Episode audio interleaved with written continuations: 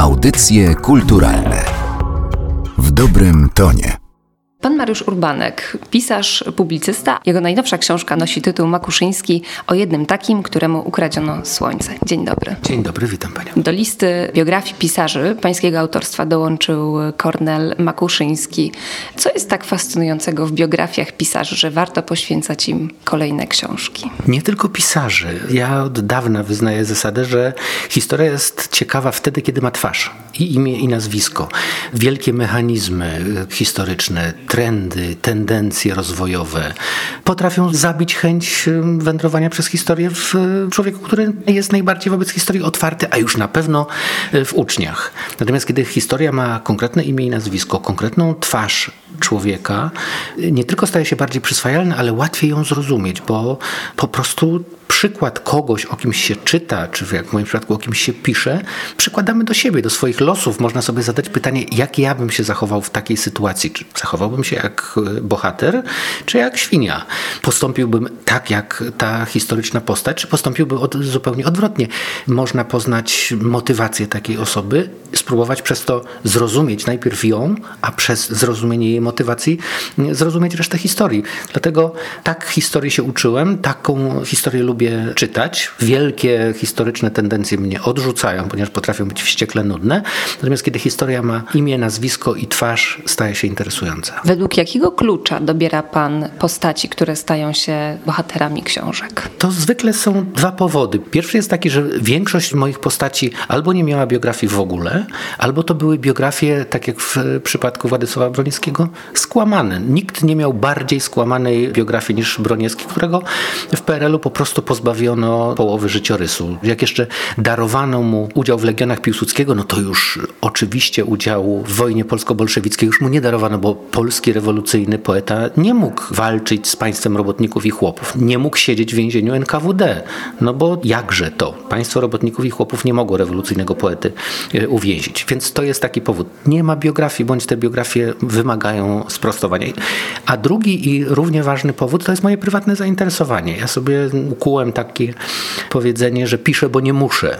Więc piszę dlatego, że mnie prywatnie te osoby interesują. Chciałbym się prywatnie dowiedzieć o nich więcej. Chciałbym z nimi porozmawiać, najzwyczajniej porozmawiać. A ponieważ wyrokiem Pana Boga ich e, śmierci, mojego późnego urodzenia nie ma takiej możliwości, no to rozmawiam, e, przyglądając się ich życiu, czytając e, ich twórczość, ich listy, ich dzienniki, czytając świadectwa o ich życiu i w ten sposób szukając odpowiedzi na rozmaite pytania. Dlaczego w określonych sytuacjach zachowali się tak? Skąd ten flirt z komunizmem w przypadku Juliana e, Tuwima?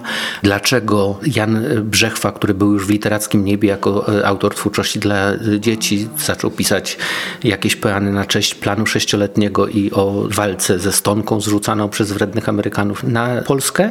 No i odbywam sobie taką rozmowę, zdobywam odpowiedzi na te pytania. No i potem przychodzi myśl, że skoro no, to było interesujące dla mnie, może być interesujący dla czytelników i tak powstają książki. A jak było w przypadku Kornela Makuszyńskiego? No to jest jedno i drugie. E, Makuszyński nie miał biografii do tej pory. Powód był prozaiczny bardzo. Makuszyński znany jest, czy y, kojarzony jest przede wszystkim z twórczością dla dzieci. Twórczość dla dzieci w Polsce ani nie cieszy się zainteresowaniem krytyków, ani nie cieszy się specjalnym zainteresowaniem biografów. Y, pisarze dla dzieci mają fantastycznie wielkie nakłady, a jak wiadomo, w takim powszechnym mniemaniu krytyków to wybitnym się jest, jak się sprzedaje 150 egzemplarzy swojej książki. I Brzechwa się na przykład żalił, że koledzy literaci uważają jego twórczość za taką dziecięcą galanterię, a jego za dostarczyciela tej galanterii i że nikogo to nie obchodzi. W przypadku Makuszyńskiego było bardzo podobnie. Nie miał biografii. A po drugie, prawie o nim nic nie wiedziałem. Wychowałem się na i y, książkach, i filmach na podstawie książek Makuszyńskiego i oczywiście na początku jeszcze na komiksach o Koziołku Matołku i Małpce Fikimiki. Była to taka naturalna ciekawość kim był ten człowiek, który mi część dzieciństwa zagospodarował i co się stało z nim potem, no bo wiedziałem, kiedy zmarł. Doczytałem jeszcze przed przystąpieniem do pisania, że przed śmiercią było kilka lat, kiedy w ogóle nie wydawano książek Makuszyńskiego. Wydawałoby się niewinnych. Nawet Koziołka Matołka nie wydawano, żeby była jasność w, na przełomie lat 40. i 50. Więc chęć znalezienia odpowiedzi Dlaczego? Dlaczego Makuszyńskiego zabilczano na śmierć? Jak kwiat, który był przyzwyczajony do żywej reakcji czytelników, do tysięcy listów przychodzących, do tego, że jest rozpoznawany na ulicy, nagle zapadła jak nożem uciął kompletne milczenie. Żadnych e, krytycznych tekstów e, w gazetach, żadnych wznowień e, książek. I on tak przez blisko sześć lat dogorywał w tym zakopanym, zmarł, potem jeszcze kolejne dwa lata też nic się nie działo i przyszła dopiero odwilż 55 i już październik otworzył dla książek Makuszyńskiego znów rynek. No tylko, że gazety wtedy pisały już o zapomnianym pisarzu Kornelu Makuszyńskim.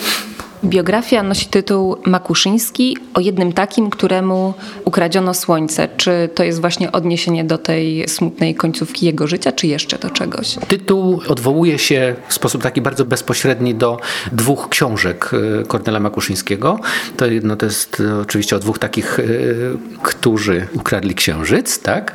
I druga, z której się wzięło mm, tytuł którego najczęściej używano i przed wojną, czyli w II Rzeczpospolitej i już po 56 e, wobec Makuszyńskiego, czyli pisarz ze słońcem w herbie, czyli pisarz, którego twórczość była apoteozą życia, który uważał, że trzeba pisać o tym, że ludzie są dobrzy. Nawet jak ktoś jest zły, to powinien w literaturze doznawać tego przełomu, stawać się lepszy, bo w ten sposób czynimy świat lepszy. Tak myślał Makuszyński, tak odbierali go krytycy. Stąd e, odwołałem się do tych dwóch rzeczy e, w tytule, a zmieniłem to na e, pisarza, któremu jednego takiego, któremu ukradziono e, słońce, właśnie odwołując się do tych ostatnich lat jego życia.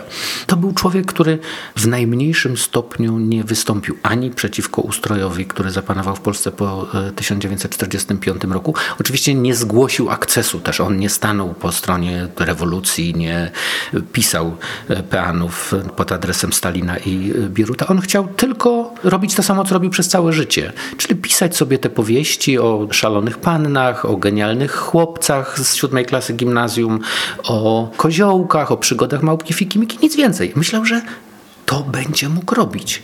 Ale okazało się, że nawet tego nie mógł robić, ponieważ to był czas, kiedy należało pisać o pionierach, o przodownikach pracy, o młodości Stalina, o Pawce Morozowie, który doniósł na ojca, mm, ponieważ nie wykonał obowiązkowego kontyngentu dostaw. A tego Makuszyński, ja myślę, że on tak po prostu nie potrafił tak pisać. No a nie pozwolono mu pisać tak, jak chciał. No i to słońce powoli gasło. Czyli no, nazwałem to skradzeniem mu słońca.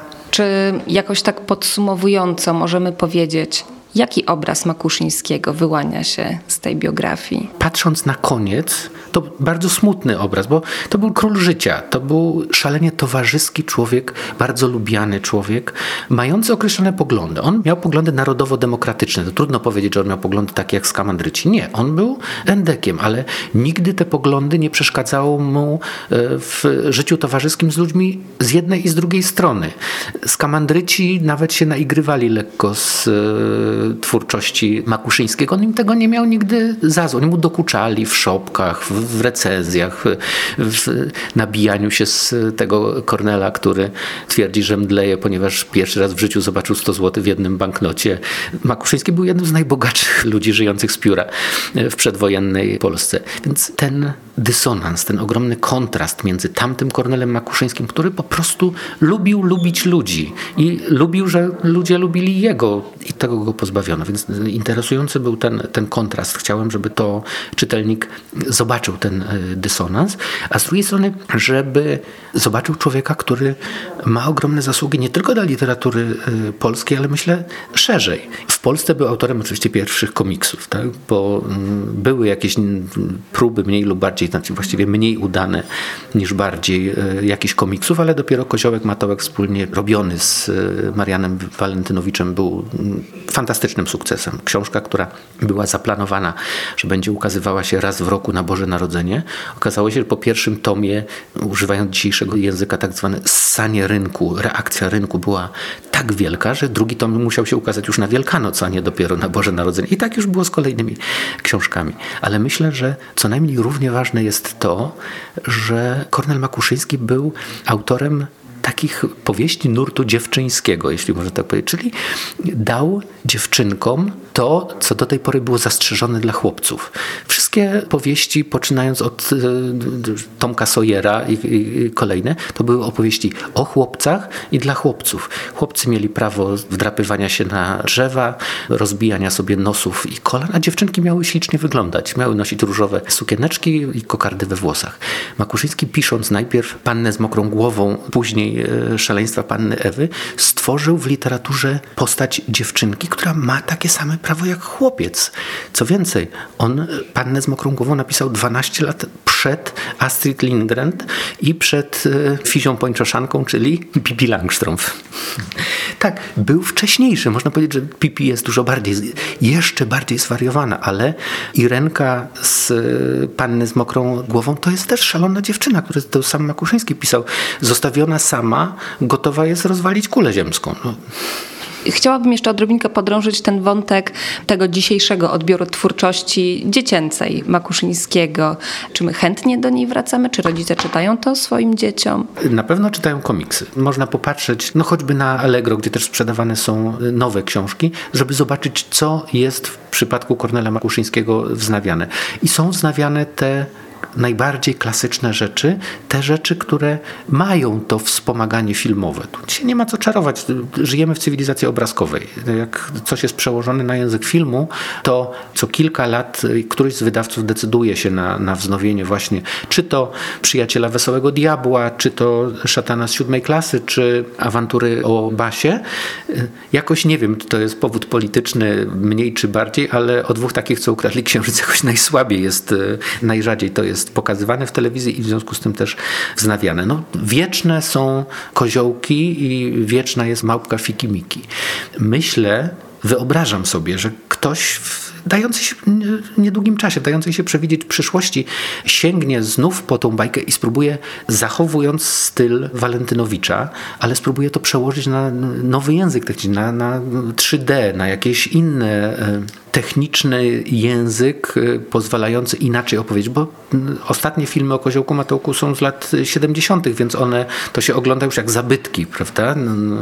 Patrzy się na to, na te dwuwymiarowe postaci poruszające się tam i występujące prawie jak w Egipcie, prawie wyłącznie z, z profilu, bo tak były narysowane. One mogą być trójwymiarowe, one mogą e, zachowywać no jak w filmach Disneya albo Pixara i to na pewno tchnie nowe życie w komiksy. Język literacki Makuszyńskiego jest językiem trudno zrozumiałym i ten język trudno przełożyć na bardziej e, współczesny, natomiast w obrazach można przełożyć. Są książki, z których filmów do tej pory nie było, ale bardzo bym zachęcał ludzi, którzy y, zajmują się filmem, na przykład do sięgnięcia po skrzydlatego chłopca, bo to jest y, książka będąca z jednej strony opowieścią o rodzeniu się polskiego przemysłu lotniczego w II Rzeczpospolitej, a z drugiej o marzeniach y, chłopaka, który chce być lotnikiem.